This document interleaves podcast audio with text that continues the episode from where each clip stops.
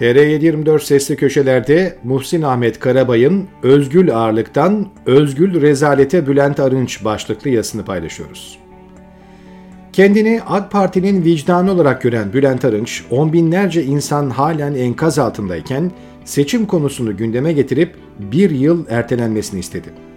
Arınç'ın bu teklifi kendiliğinden mi yaptığının yoksa Beştepe'den aldığı bir sufleyle mi söylediğinin hiçbir önemi yok.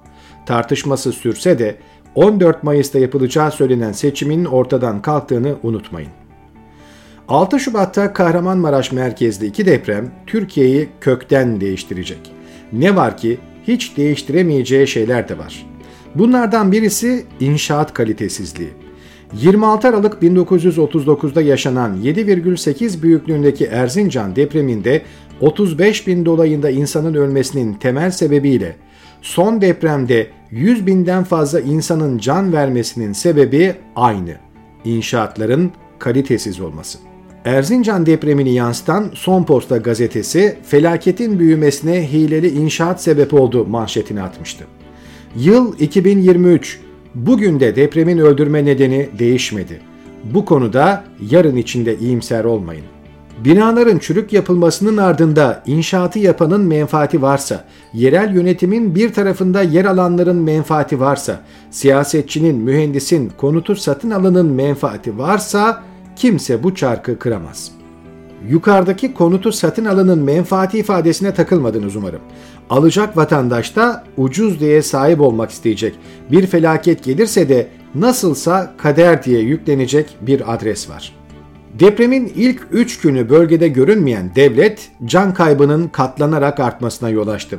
Farklı kesimler her şeyi tek elden yönetmeye çalışan Erdoğan'ın bütün beceriksizliği ortaya çıktı diye değerlendirdi. Depremle ilgili konuşurken bir arkadaşın yaptığı değerlendirme beni çok şaşırttı. Depreme bilerek geç müdahale edildiği görüşünü savunan arkadaşım şunları söyledi. Daha çok insanın kurtarılması bakıma muhtaç daha çok insanın ortaya çıkacak olması demek. Bu da devlete ve topluma daha çok yük demektir. Bundan hareket eden devlet mekanizmasının başındakiler 1912'de batan Titanic gemisinden SOS sinyali alan gemilerin kaptanları gibi hareket ettiler. Yardıma gidebilecek kaptanlar bu kadar insan bizim gemimize binerse batarız. Biraz bekleyip gidersek daha az insanı gemimize almak durumunda kalırız diye düşünmüşlerdi. Bu depremde de devletin başındakiler benzeri düşünceyle hareket ettiler. Bu çok vahşice bir yaklaşım gibi gelebilir. Gerçekten de tüyler ürperten nitelikte. Bu kadarı da olmaz denilen o kadar çok şey yaşanıldı ki hiçbir şey ihtimal dışı diyemiyoruz. Yardım ekiplerinin felaket zedelere ulaşmasından sonra bölgeye giden Tayyip Erdoğan, seçimlerle ilgili dolaylı değerlendirmesini ilk olarak 11 Şubat'ta yaptı. Yıkılan ve hasar gören yüz binlerce binanın yeniden inşa edilmesine hızla girişeceklerini belirten Erdoğan, konuşmasını sizlerden bir yıl süre istiyorum diyerek tamamlamıştı. Erdoğan'ın bu sözleri önce yeniden aday olacağı ve seçileceğine dair kendisine duyduğu güvenden kaynaklandığı şeklinde yorumlandı.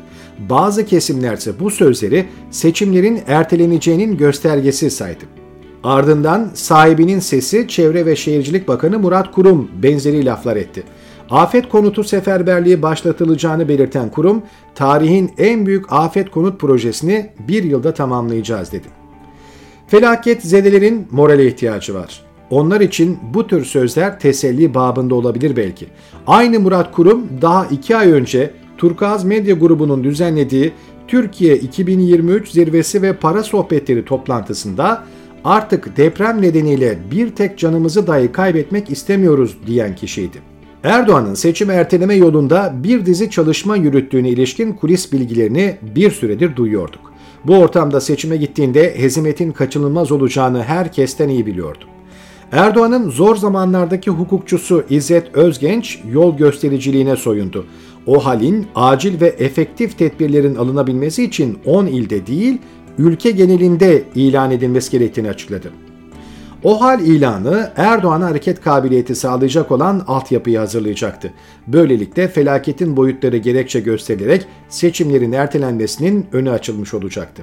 Kendini partinin ağabeyi ve doğrucu Davut'u olarak gören, AK Parti'de farklı bir özgür ağırlığa sahip olan Bülent Arınç, henüz kimse seçime ilişkin bir söz söylemeye çekinirken Ak Tolgalı Beylerbeyi gibi ortaya atıldı. Anayasaya göre seçimi ertelemenin mümkün olmadığını belirten Arınç, Anayasalar kutsal metinler değillerdir, hukuki metinlerdir. Yasama organı her zaman anayasa maddesini ilga edebilir, değiştirebilir ve yenisini koyabilir çıkışını yaptı. Bırakın enkaz kaldırmayı, daha arama kurtarma çalışmaları dahi bitmemişken Arınç'ın yaptığı bu çağrı fırsatçılığın ta kendisi değil de nedir? Arınç ister Beştepe Sarayı'nın yaptığı görevlendirmeyle bu alan yoklamasını yapmış olsun, isterse Erdoğan'ın böyle bir yola başvuracağını düşünerek ön almış olsun, hiç fark etmez. Yapılan cenaze daha orta yerde dururken mal mülk paylaşımına kalkan mirasçıların tavrından farklı değil. Türkiye'de hala hukukun var olduğunu sananlar Arınç'ın çağrısının anayasaya aykırı olduğunu öne sürüp Türkiye'nin zamanında sandığa gitmesi gerektiğini söylediler. Anayasanın 78. maddesine aykırı olan bu çağrının sivil darbe girişimi olduğu iddia edildi. Ülkede hukuk olduğunu savunanlara göre kimse kaynağını anayasadan almayan bir yetkiyi kullanamaz. Arınç'ın gerekçe olarak ortaya koyduğu devlet bürokrasisinin vatandaşlarımızın yaralarına merhem olmasına odaklanması için seçimlerin ivedilikle ertelenmesi lazım. Bu bir tercih değil, zarurettir tezinin tam tersini savunanlar var. Bu kesimlere göre yaraların sarılması, ülkenin huzura kavuşması için seçimlerin ertelenmemesi zaruret durumunda.